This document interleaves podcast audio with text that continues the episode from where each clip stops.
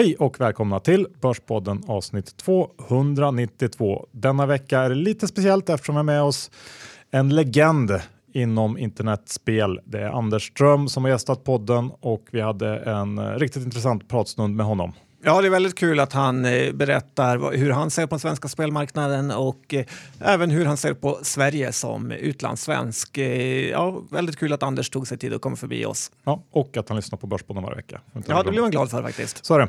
Vi har ju en huvudsponsor i form av IG Markets, tradingmäklaren. Ja, och den här veckan är Erik Lindén här och berättar vad IGs toppresterande premiumkunder efterfrågar. Det varierar lite och förändras under tiden. Men nu i Sverige ser vi en stor trend att många efterfrågar möjligheten att blanka aktier. Och de flesta mäklarna har en pool med likviditet medan på IG som CFD-mäklare så har vi möjligheten att blanka i vår egen riskportfölj. Så att som storkund kan du ringa in och fråga eh, om möjligheten att blanka. Och oftast kan vi erbjuda blankning även i aktier som inte kan erbjuda blankning på hemsidan. Tack för det Erik och kom ihåg att eh, ikväll den 27 mars eh, så är det också det här seminariet om eh, barriäroptioner som IG har som man anmäler sig på deras kundtjänst om man vill delta i. Och John, innan vi kör igång så har vi också en helt ny sponsor i Börspodden och det är ju inga mindre än det svenska kalsongunderföretaget CDLP som sponsrar podden denna vecka.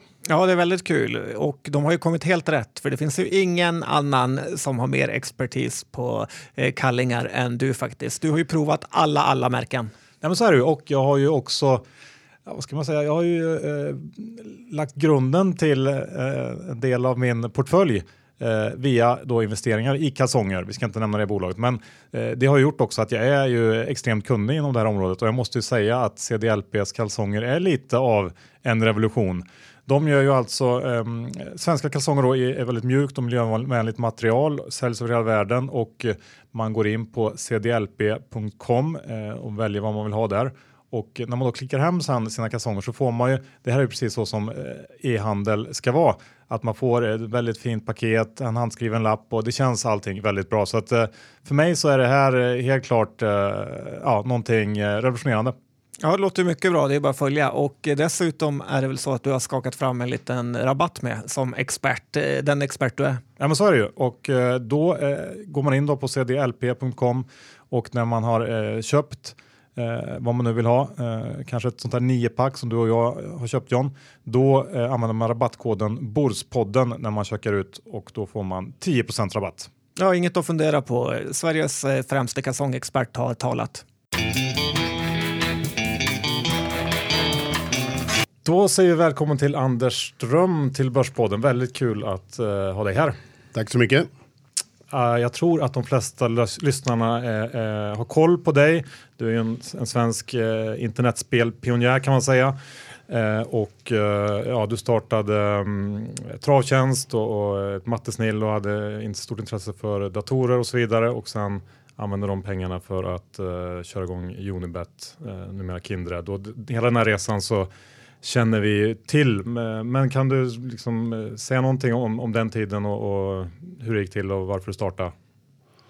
Ja, det börjar väl med att jag generellt sett är väldigt intresserad av eh, matematik och siffror. Jag kommer från Sala. Uppväxt i klassiskt eh, arbetarhem med mamma och pappa som jobbade hårt och medvetet, alltså med stora ansträngningar.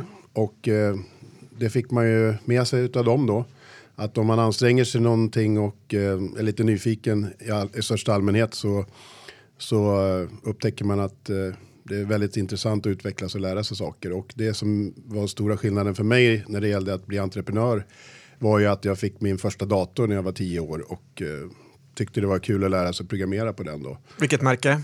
VIC 20, men jag lyckades faktiskt få byta ut den ganska snabbt till en 64, Commodore 64, vilket var mycket bättre såklart. Fick du äran att köra på Amiga något? När Amigan precis hade blivit populär så gick jag över på PC faktiskt.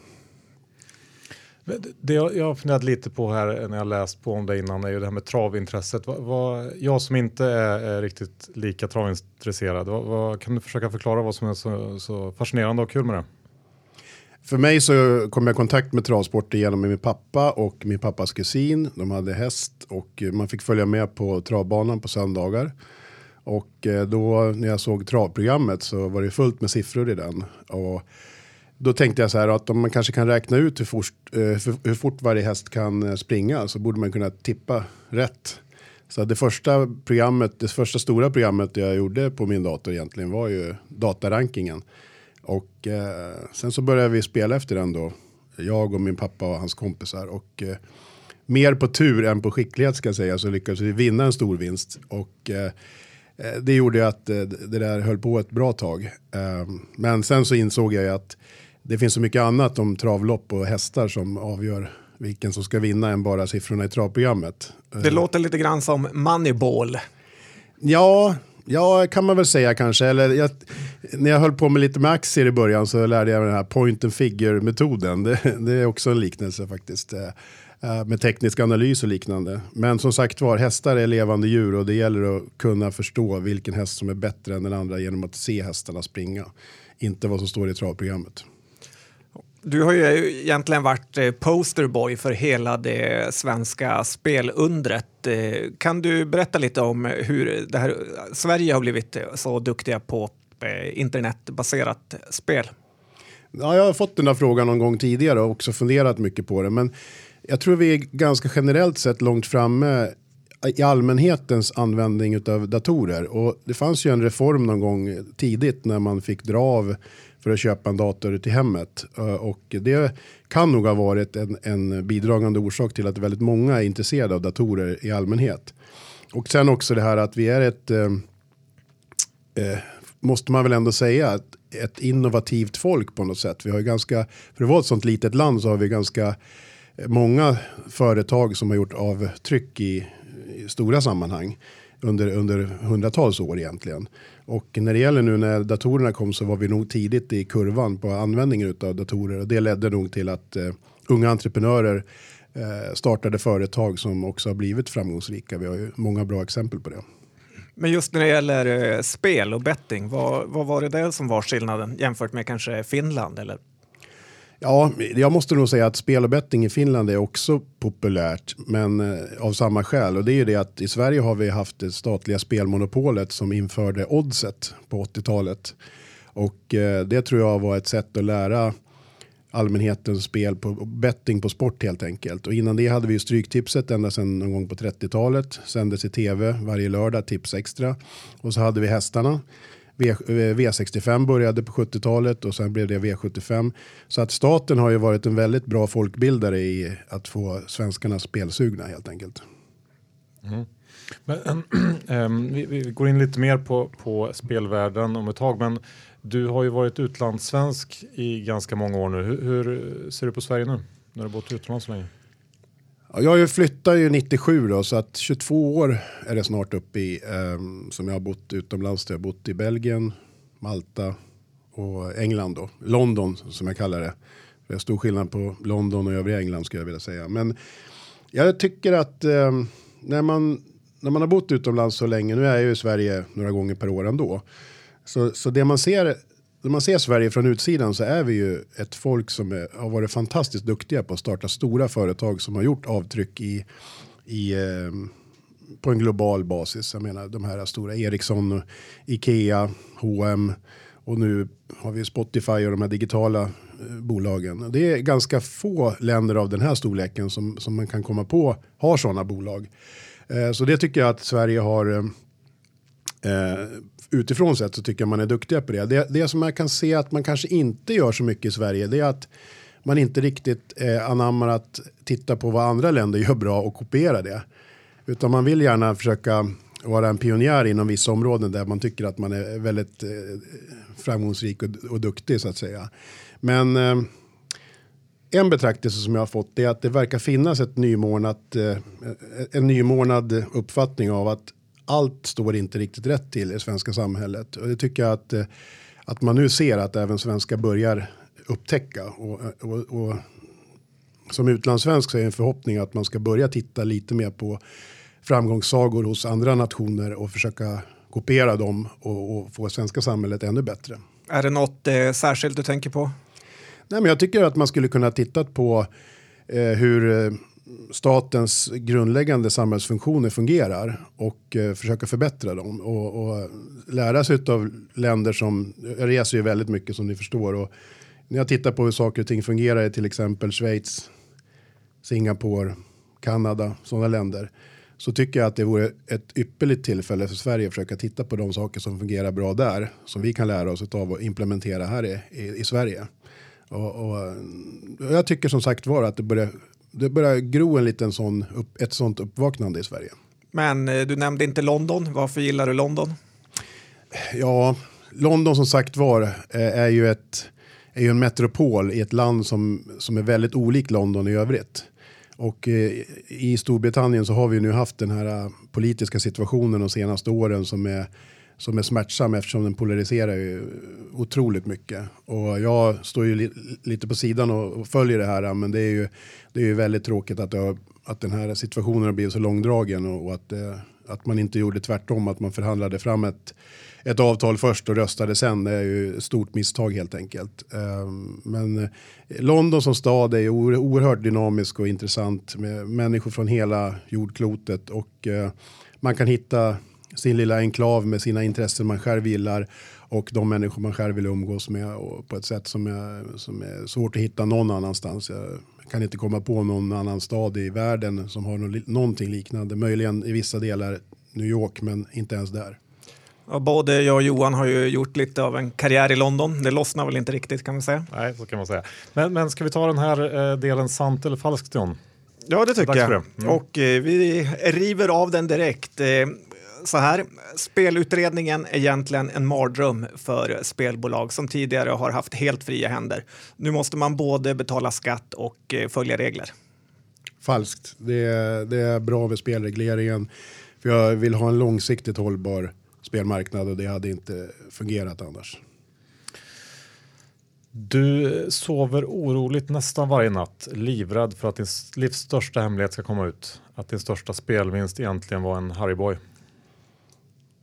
Nej, det var det faktiskt inte. Men däremot så var det ju eh, en otrolig slump eftersom jag lämnade in ett system i sista minuten och det var ju inte väldigt mycket planläggning kring, kring spelvinsten. så nej, ändå nosa lite på sanningen där då? Ja, det är och det har jag sagt tidigare. Ja. det där systemet var ju eh, byggt på en häst som värmde bra och så sen ja, målade resten av loppen. Varje gång Leo Vegas eh, får cred för sina kampanjer med Frank Andersson så tänker du att ni har fått hundra gånger mer värde för Glenn Hussein och billigare dessutom. Jag gillade Frank eh, och eh, jag gillar ju såklart Glenn också så att jag, jag säger att det där är falskt. Jag, jag tycker att de har gjort det bra, Leo Vegas, med sina kampanjer. Du önskar att du hade köpt ett Premier League-lag istället för att satsa på hästuppfödning och trav, men tänker samtidigt att det kanske inte är för sent än. Falskt. Jag skulle aldrig vilja äga ett fotbollslag. Okay. Vad då, då? Det är lite av min dröm från eh, Premier Manager och Championship Manager.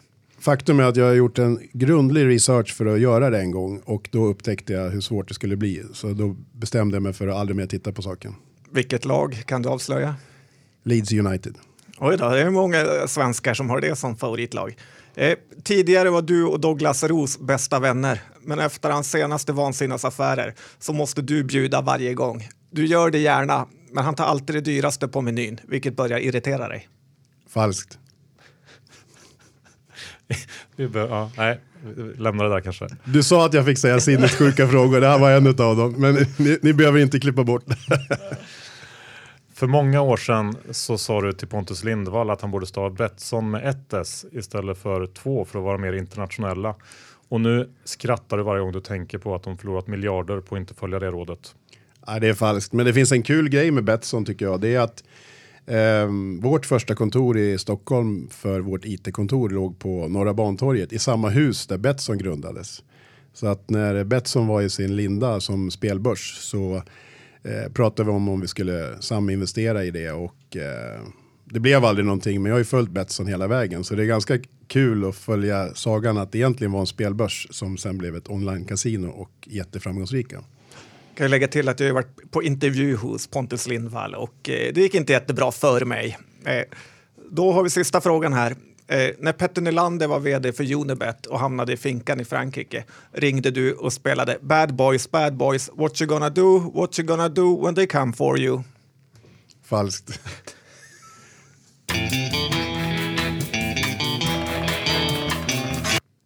Vi är också sponsrade av Lendify den här veckan. Ja, det är vi. Och eh, börsen har ju gått upp 12, 13, 14 procent i år och det kan vara läge att ta lite från bordet och stoppa in i säkrare placeringar som eh, blankolån via Lendify. Eh, vi, jag var inne på vårt konto här i eh, dag faktiskt och jag såg att vi har ju närmare tusen olika mikrolån som vi får kassaflöde från varje månad och det känns som en riktigt skön trygghet att om börsen skulle falla lite så kommer vi fortfarande få det här kassaflödet som vi får, både via amorteringar och ränteintäkter. Och det är väldigt bra att ha eh, i en portfölj faktiskt. Eller vad säger du? Absolut John, och det är vi ju inte ensamma om att tycka. För eh, i dagarna så kom det ut att Lendify nu har sprängt 2 miljarders vallen i utbetalda lån. Eh, och det här är bara tio månader efter att man eh, nått en miljard. Så det går snabbt nu och det är många som upptäcker Lendify och eh, det tycker vi är kul om. Vill ni eh, hänga med på det här tåget och få en liten eh, gratis start, eller man ska säga, då går man in på lendify.se snedstreck Börspodden för då får man 500 kronor extra att investera om man eh, stoppar in och investerar minst 20 000 kronor.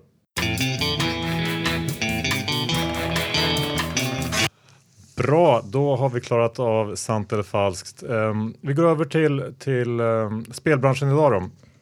Vad, vad, eh, hur ser du på den lite mer övergripande om vi ja, tittar globalt sett? Vi, det händer ju grejer både i, här på hemmaplan i Sverige, i USA eh, och så har vi ju resten av Europa och även Asien. Vad, vad, om man kan få någon slags sammanfattad bild? Nej, men det finns ju en, eh, någon slags sekventiell utveckling som kopieras land från land hela tiden. Och det är ju den här att först så finns det en oorganiserad eh, verksamhet eh, för att tillfredsställa människors eh, törst efter spel. Och det är ju, det är ju en väldigt kul underhållning som, som alltid har funnits och alltid kommer finnas. Och, och man kan säga då att det börjar i ett land med med spelbolag då som nu online har fått möjligheten att erbjuda mycket roligare och intressanta produkter men där det inte har funnits någon lagstiftning som har kontrollerat detta då. Men vi har sett nu till exempel i Sverige, jag trodde det skulle ta två år men det tog 20 år att få den här regleringen på plats då. Och det, det som har hänt i Sverige har ju då tidigare hänt i Storbritannien men även i Danmark, Italien och andra länder. Det, det händer nu även i Holland, kommer nästa år. Eh, vi ser också att det rör på sig i Tyskland och, och de andra europeiska länderna så de ligger långt framme. I USA så har amerikaner tidigare spelat hos illegala bookies eh, nere på hörnan så att säga. Ofta på kredit. Eh, men sen gått över då till att spela på sajter som ligger i Karibien och är olicensierade. Men även där har ju då de olika staterna insett att här är det då skatteintäkter att hämta och det är ofta det det handlar om i grund och botten. Sen, sen använder man ju förtäckta eh, argument kring spel, socialt spelande och annat så, som, som ska rättfärdiga de här systemen. Då. Men det är ju pengarna som styr i, i grund och botten och det är det ju även i Sverige. Eh, men i USA så utvecklas det här också och nu kommer även andra världsdelar liknande. Eh, Sydamerika eh, har det redan börjat röra på sig. Jag tror att det kommer hända även i andra delar av världen, även om det kommer ta längre tid i Asien. Men den här amerikanska marknaden, har man inte överskattat både hur fort det kommer gå och kanske hur mycket pengar man kommer tjäna? För det är ju enorma förväntningar där. Nej, men den marknaden är ju mycket större, eller den är klart större än hela europeiska marknaden. Eh, och jag tror att det som gör att USA är ännu mer intressant är att det är ett sporttokigt folk helt enkelt. Alla är intresserade av deras idrotter. De är väldigt eh, homogena. Det finns ju fyra idrotter som är stora. Och eh, alla tar ett intresse i det och betting har funnits i alla tider helt enkelt. Och därför tror jag att det finns en sån stark kultur som gör att eh, ja, otrolig tillväxt tror jag det kommer vara. För att eh, man spelar redan mycket som sagt var men de flödena kommer flyta från eh, underground och från eh, utomlands in i de här licensierade systemen. Tidigare var ju även Pokerstars och Full Tilt Poker gigantiska inom, ja, när pokerboomen var stor. Ja, men som det sen ju, bara försvann. Ja, men det, de är ju fortfarande stora, Stars är ju fortfarande stora på just poker, men poker har ju den inneboende svårigheten att en, en, spelare som bara är lite bättre än den andra vinner ju i längden. Och det är ju inte lika roligt att vara nöjesspelare när man känner att man i princip aldrig vinner. Däremot spelar man på idrott och sport till exempel så kan ju alla ha en uppfattning om vilket lag man tror ska vinna och, och faktiskt så händer det ibland att de gör det också. Vart ser du svårigheterna med hela det här att eh, kunna kapitalisera på? USA har ju en speciell eh, tradition i och med att man i, från staternas sida har lovat väldigt mycket till eh, sina existerande landbaserade kasinon och hästkapplöpningsbanor som också står för väldigt mycket arbetstillfällen. Och det har gjort då att när de här staterna, de första nu som har reglerat eh, systemet, de har ju varit tvungna att bjuda någonting eh, för dem då. Och det är ju det som kallas för market access, vilket vi inte har i Europa i samma utsträckning. Därför att du måste då för att få en online-licens ofta göra det i partnerskap med någon form av eh, kasino eller hästkapplöpningsbana. Och då blir det en extra avbränning på toppen av det här med skatt också. Så det är en stor skillnad. Vilka spelare ser du har, har liksom störst möjlighet att lyckas i USA? Um, två, typ, ja, två typer av spelare tror jag eh, i första läget och sen ytterligare någon i, i, i, ett senare läge. Men först så har ju de här uh, fantasy game-bolagen, när vi pratar sportspel nu, de har ju fått ett enormt försprång i och med att de har stora kundbaser redan i alla de här staterna tiotals miljoner kunder som redan är intresserade av att ha sin app och ta ställning på idrott. Och det har vi sett nu att de här eh, FanDuel och DraftKings har ju då fått en bra start med sina online eh, spelsajter. Så de har en, en klar fördel. Sen tror jag de europeiska bolagen som har väloljade organisationer för att eh, marknadsföra och driva sina produkter de eh, har också en fördel i att de har rutin på det här. Jag tror att det är väldigt många som försöker sig på det här från scratch som har en lång inlärningskurva. Så där tror jag att eh, de bra europeiska bolagen har en möjlighet att ta en, en viss del av kakan. Längre fram så finns det också det här med mediebolagen. Stora kabelbolagen och internetplattformarna. De kommer säkert ta någon form av intresse i den här värdekedjan. Vad det sen blir för någonting det får vi ju se då. Typ som eh, Skybet i England eller?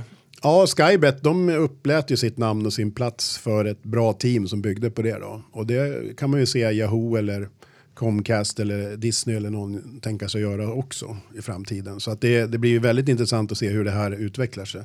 Men det är en stor kaka och det är många delar i värdekedjan så att jag tror att det finns någonting där för, även för europeiska bolag. Det här med affiliates då, hur eh, ser du på deras framtid eh, både i Europa och i USA? Ja, men affiliates är ju, för, för inom spelbranschen så är ju affiliates eh, någon form av anomali egentligen därför att eh, eh, priset är ju så enormt högt jämfört med affiliates i andra branscher om du tänker dig resor och hotell och liknande. Och det beror ju på att eh, spelbolagen på grund av de olika begränsningarna i reklammöjligheter har haft svårt att marknadsföra sig i de här länderna. Men i takt med att omregleringen nu skapar möjlighet för de här uh, onlineplattformarna som Google och Facebook och liknande öppnar upp så kommer ju affiliate priset teoretiskt sett i min värld i alla fall att behöva gå ner ordentligt för att det ska vara intressant för spelbolagen att jobba med dem.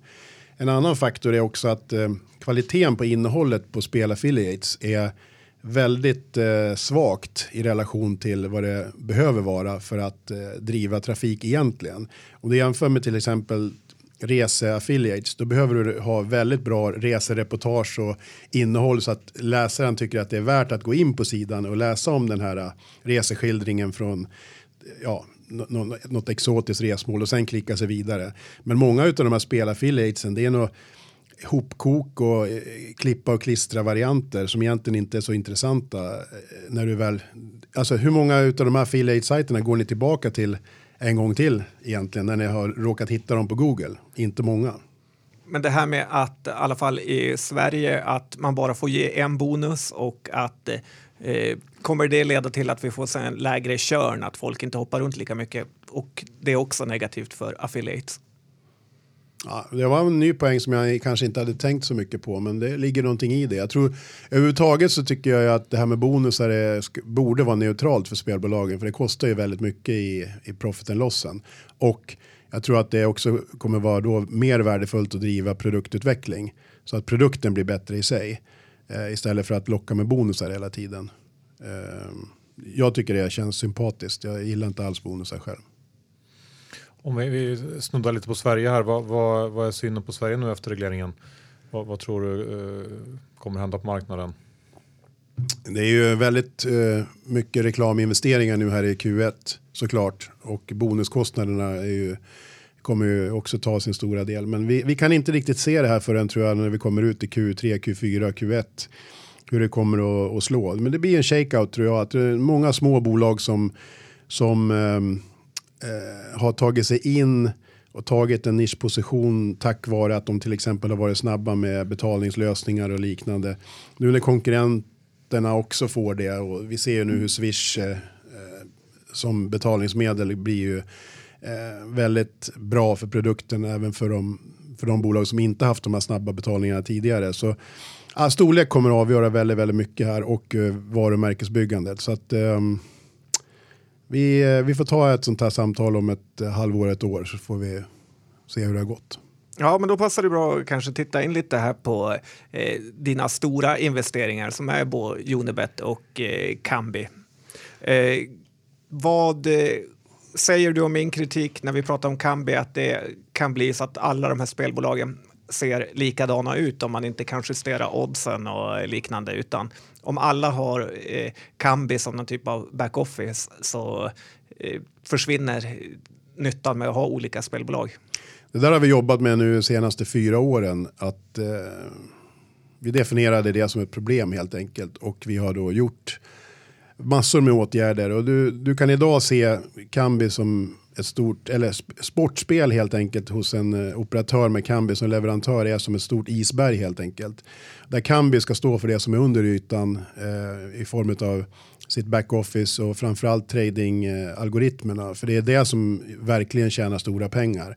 På toppen har du sen det som kunden ser, frontenden och eh, odds och liknande. Och nu lanserar vi till och med så att du kan eh, som operatör styra dina egna odds och, och, din egen marginal. Vilket har varit efterfrågat. Så att vi har gått från att när vi grundade Kambi 2009-10 så, så försökte vi göra en generisk lösning för alla. Så att eh, en sko skulle passa till alla. Men eh, det insåg vi sen att kunderna har ju sina krav. De vill ha sin egen sportboksavdelning eh, som vill eh, skräddarsy det här för sin marknad, för det är ju väldigt lokalt också. Så att nu har vi erbjudit massor med möjligheter att bygga på Kambis API för att göra det här. Och vissa av våra operatörer är redan väldigt långt framme här.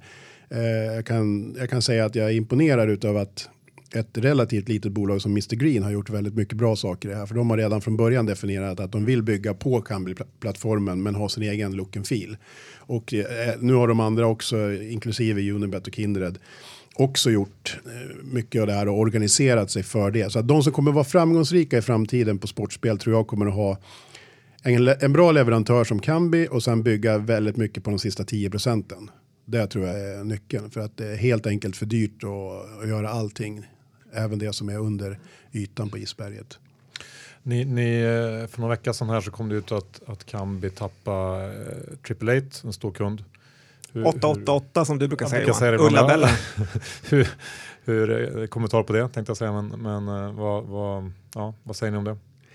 Nej, jag såg den där. Eh, jag, det kom som en överraskning egentligen. Jag tittade faktiskt på BetBright för något år sedan när de sökte pengar och följt dem lite grann. Och det är ju, jag, jag är inte så imponerad av det de har byggt. Och det, det är ju, eh, på något sätt så är det ju så att alla bolag som har Kambi som leverantör, de har ju givetvis en en, eh, någon form av eh, leverantörsberoende och vill ju ha någon, någon slags, något slags alternativ. Och vi är medvetna om att våra operatörer som, som ligger på Kambi-plattformen, vi kommer inte ha 100% av intäkterna eh, från deras sportspel. Och det, det, det, är ju redan sant till exempel för, för Kindred så har ju de egna plattformar i vissa marknader, de har egna hästprodukter och liknande. Så att det är ju redan ett faktum. Och nu vill ju åttorna eh, Eh, med det här initiativet då, antar jag, eh, också ha en möjlighet att ha en alternativ produkt. Men jag, jag har svårt, jag satt och tittade på, försökte räkna hem vad det kommer kosta för dem att få Betbright-produkten på par. Och det, jag får inte ihop siffrorna själv så jag tycker att eh, det, ser, det ser svårt ut helt enkelt. Men, men däremot så ska jag säga det att eh, vi får räkna med det och jag tycker inte att det har så stor impact. Vi har ett ganska långt och bra avtal med åttorna och bra samarbete med dem i övrigt också. Jag hoppas och tror att vi kommer fortsätta ha det även efter det här avtalets utgång. Men, ska man vara rädd för att det blir någon slags utveckling som i, i om man tittar på kasinodelen där NetEnt var väldigt eh, ledande länge och sen nu sista åren har fått eh, tydlig konkurrens och väldigt många mindre aktörer som kommit in och börjat eh, liksom, slåss om, om share of wallet på kasinosidan. Ja, men det gäller ju att man eh, håller sig väl framme och har hög kvalitet på produkten. Och Kambi har ju medvetet eh, satt sig i en marknadsposition där vi har enormt hög kvalitet på det vi gör. Det finns ju konkurrenter till oss som erbjuder samma eh, så att säga, produkt off the shelf till ett mycket lägre pris. Men vi, vi signar ändå kontrakt och vi tackar nej till vissa kunder dessutom som vi inte tycker att vi vill ha eh, av olika skäl. Och jag tror att när det gäller produktutvecklingen på Kambi så kommer vi nu gradvis med nya saker som är innovativa och nyskapande för våra bolag. Vi är långt framme med USA till exempel. Bolag från Europa som ska in i USA hade fått svårt att bygga en egen amerikansk sportprodukt som eh, passar för den marknaden. Så har man Kambi så har man fått det från dag ett i alla fall. Och den fungerar, det ser vi ju i New Jersey och nu Pennsylvania kommer med siffror häromdagen. Så att, eh, jag, jag, jag, tror, jag tror vi håller en hög nivå och det ska vi fortsätta med. Och, och jag extremt komfortabel med det. Men när du pratar om produktutveckling och liknande, vad kan Kambi liksom mer erbjuda än ett kryss 2 om man är lite hård? Ja, jag tänker inte säga det nu, men vi har två produkter som kommer, som kommer i pipelinen där vi har tagit någonting som många har gjort och kopierat av varandra som är hyfsat, men där vi har gjort det mycket bättre. Och eh, som sagt var, det kommer ni gradvis få se. Och redan nu till exempel så är det ju saker i vår produkt som du säger bara ett kryss två. Många säger också det här med att oddsen går att kopiera och så liknande. Men det är väldigt mycket spel nu sker live och eh, i, i, korta sekvenser i matcherna. Så det är väldigt svårt att kopiera och ha bra odds på, på till exempel point by point i tennis eller pitch by pitch i baseball. Och det andra är att vi har extremt bra system för att ha kort countdown. Det vill säga när du lägger ett spel så vill du ju få igenom spelet godkänt så snabbt som möjligt. Och dessutom också betala ut vinsten så snabbt som möjligt så att du kan spela igen. Det där är inte någon enkel sak att lösa. Så att eh, om ni kommer till London någon gång och gör en börspodden på Kambi då kan ni få se att det ligger ganska mycket teknik och arbete bakom de där sakerna som gör att produkten blir mycket bättre för användaren. Och då handlar det inte om oddset utan det handlar om andra saker i produkten. Borde inte Kambi ha möjligheter att erbjuda poolspel som är så populärt här i Sverige med ATG och eh, Stryktipset? Vi har inte prioriterat det nu. Jag, jag var med och och eh, jobbade med Supertoto tidigare som skulle vara ett europeiskt eh, stryktips tillsammans med andra spelbolag och det blev ett rent fiasko. Operatörerna hade svårt att komma överens om hur man skulle utveckla produkten och, och det var svårt att få en kritisk massa helt enkelt. Jag tror Poolspel är ofta av karaktären att det är en lokal marknad, det har funnits länge och det började med att det var den enda saken som fanns att spela på, till exempel tipset och V65. Och så kom man upp i den här kritiska massan att man kan locka med en jättehög vinst. Och då kan den här fortleva. Men eh, det är klart att när Kambi har så många operatörer som vi har och, och, ännu fler i framtiden så vore det intressant om man kunde knäcka den nöten också. Så vi, vi får jobba på det. Powerball by Kambi. Ja, ja men det, det, det är sant. Alltså. Men det, det finns också ett sätt att göra en hybridform av poolbetting och, och fixed odds betting som jag också gillar tanken på. Så att vi får, eh, får jobba på det här. Men vi kan inte dra de casen idag. Nej. Eh, jag tänkte vi ska, vi ska hinna med att prata lite om, om eh, lite av dina övriga investeringar också, inte bara de här mest kända Kambi och Kindred. Eh, du har ju ett investmentbolag som heter Vralda. Eh, vad, vad har ni gjort för investeringar där och vad letar ni efter? Ja, nej, men Veralda har ju funnits nu ett tag eh, och det, har ju, det är då ägarbolaget där mina innehav, de största innehaven är ju Kindred eh, och eh, Kambi och det är de jag själv jobbar mest med. Sen har vi ett investeringsteam då som söker efter investeringar inom fyra områden som, som vi har definierat där vi kan eh, försöka vara bättre. Alltså jag, jag tror ju på det här med att man måste ha en tydlig idé med det man gör och inte försöka vara hyfsad på allting utan hitta sin del i kedjan där man kan liksom ha, ha ett fokus. Och eh, första kategorin investeringar är ju såklart de här bettinginnehaven då. Och där har vi ju förutom Kindred och Kambi ett antal onoterade privata mindre bolag som vi hoppas i framtiden att de ska kunna utnyttja sin nisch i, i den här sektorn då.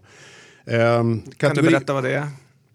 Nej, men det är inga det är inga jätteframstående, men vi har lite små passiva investeringar. Det, den som kanske folk känner till är att vi är, vi är en liten investerare i Casumo som jag tycker är ett intressant bolag med väldigt bra team, eh, duktiga grundare och duktigt, eh, duktigt folk helt enkelt. Så det är en, det är en eh, sån investering som vi som typiskt som vi har gjort. De har en annan take på kasino och det, än vad vi har i våra andra innehav. Så det är ett exempel. Sen har vi några mindre som har definierat marknader där, vi, där till exempel Kindred inte finns på, men som kan vara intressanta för framtiden. Det finns ett bolag vi är inne i som är duktiga i Tyskland och som har också lanserat i Asien. Och eh, eh tittar även på produktbolag eh, om, om det kan finnas några som gör en intressant sak som ingen har gjort tidigare. Men eh, eh, inget av de där är tillräckligt bra för att skryta med jämfört med Kambi och Kindred än så länge. Så vi får, vi får hoppas på att de kan bli någonting i, i, i miniatyr i framtiden i alla fall. Men varför, du är ju redan vad ska man säga, så rik, vad är det som driver dig att hitta nya investeringar? Nej, men det var som jag sa tidigare, man, man gillar att anstränga sig och dessutom vara nyfiken så det, det slutar nog aldrig. Och jag känner att jag mår bra av att eh, vara aktiv och engagera mig och jobba, jobba vidare med det jag gjort. Så att jag tänker inte så mycket på eh, jag tänker mer på att utveckla mig själv och sen lära känna nya människor och få vara med i, i något team och bygga upp någonting. Så det är mer det som driver. Och du frågade om investeringar, så då kommer vi in på kategori två som, som vi på Veralda gör. Och det är att när vi har jobbat med spel i, i den digitala världen så har vi lärt oss en massa saker som får liksom en överskotts, ett överskottsvärde. Där vi kan investera i bolag som sysslar med andra saker som inte har med spel att göra men som liksom handlar om ny teknik och liknande. Och där har vi ju jobbat mer och mer med att ha ett flöde på bolag där vi själva investerar direkt eller så investerar vi med partners. Som till exempel eh, fonder som specialiserar sig på att investera i sånt här. Och det tycker jag eh, kanske mer och mer i framtiden är någonting som jag vill jobba lite med, mer med. Då. Eh, så ny teknik helt enkelt.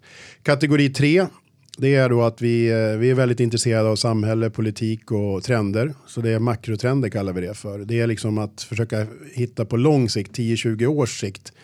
Hur kommer världen se ut då? Och vad, vad kommer, vilken typ av investeringar kommer vi tro har varit bra då? Och det kan ju handla om demografi, att eh, befolkningarna blir äldre eller att eh, det, det, det är mycket värde i vatten eller att Europas ekonomiska tillväxt kommer stagnera fullständigt och försöka hitta andra vägar helt enkelt. Kategori 3. Kategori 4 fastigheter och skog. Vi har gått in och investerat ganska mycket i skog på slutet för att det är ett intressant tillgångslag som inte korrelerar med det andra så mycket och vi tror att det kan vara värdefullt på sikt och om man har ett investmentbolag och kunna ha olika tillgångar och fastigheter och skog speciellt men det kan till och med räkna in till exempel guld där. Jag eh, hörde mycket bra avsnitt ni hade här om veckan med en kille som förespråkade guld och jag, jag köper in på det. Den här, den här, det här demografi och makrotrandsbenet, vad har ni gjort för, för investeringar där? Det är inte Attendo Johan. Nej men det är så här, vi har inte, vi har inte gjort så uh, jättestora investeringar där men en investering som jag kan ta som exempel, det går inte att räkna upp hela portföljen, men jag kan ta ett bra exempel som ingår i både kategori 2 och kategori 3. Det är ett bolag som heter Red Flag. Och det är det här äh, trenden med gigekonomin som ibland får dåligt rykte men som jag tror väldigt mycket på. Att varje person kan bli sin egen företagare och ofta ha mer än ett jobb och byta jobb ofta. Och då tror jag att ähm, man måste försöka bejaka möjligheten att driva sitt eget, sin egen business enkelt, bra och billigt. Red Flag eh, är ett sånt bolag där du kan starta ditt eget företag och sköta det via en app i mobiltelefonen helt enkelt. Och det är duktiga entreprenörer som ligger bakom det och jag hoppas att det, det skulle kunna vara ett sånt eh, ja, makrotrendspår. Eh, att om 5-10 år så är det så arbetsmarknaden mer och mer kommer se ut och då är det ett bra, en bra investering. Just det, det är, väl, det är väl dessutom en av Mr Green grundarna som ligger bakom. Det är Mikael Pavlo, han är en fantastisk ja. person, god vän till mig. Det här med fastigheter och eh, skog, är det i Sverige du köper det eller är det bort?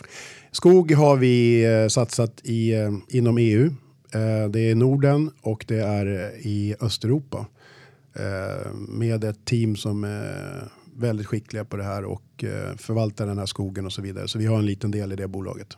Och fastigheter, är det du känner inte att fastighetsmarknaden i Sverige eller Europa är övervärderad?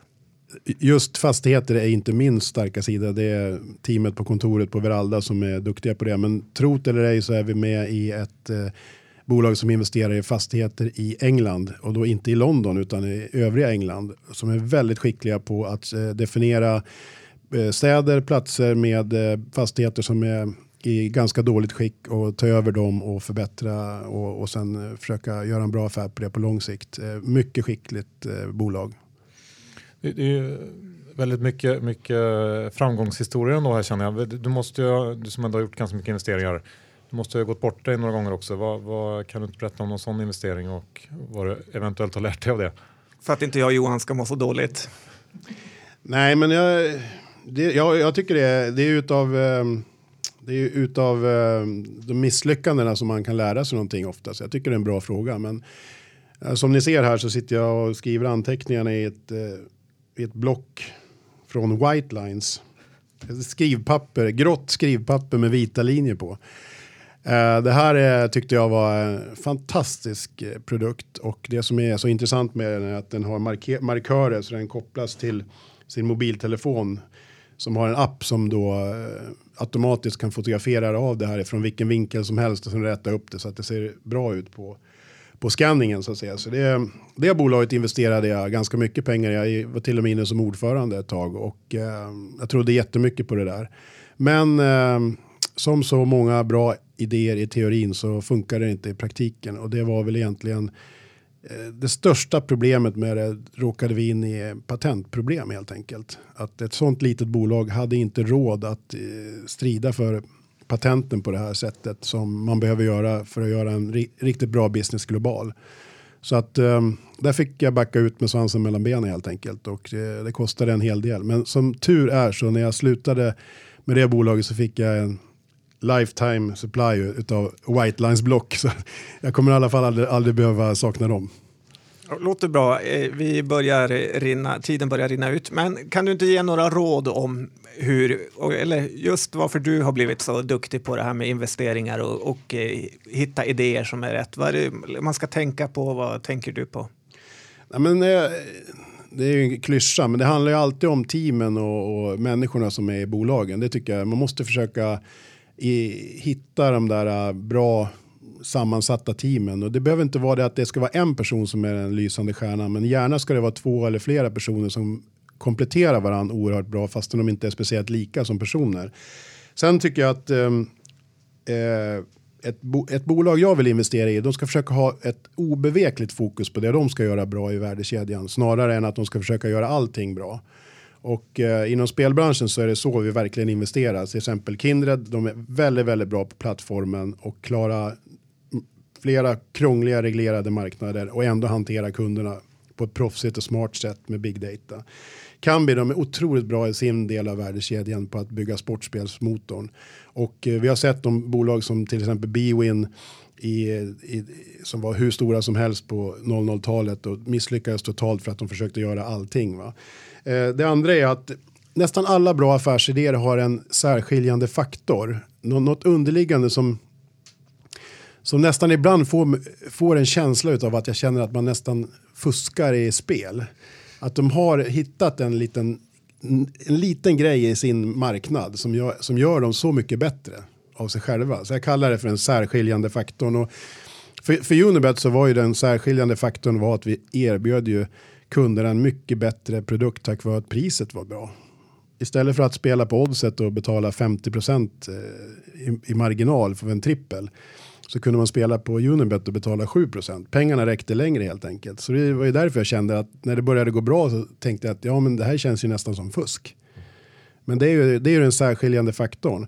Och i eh, Kambi så har vi ju byggt upp hela motorn med algoritmer som vi har jobbat med i 22 år helt enkelt.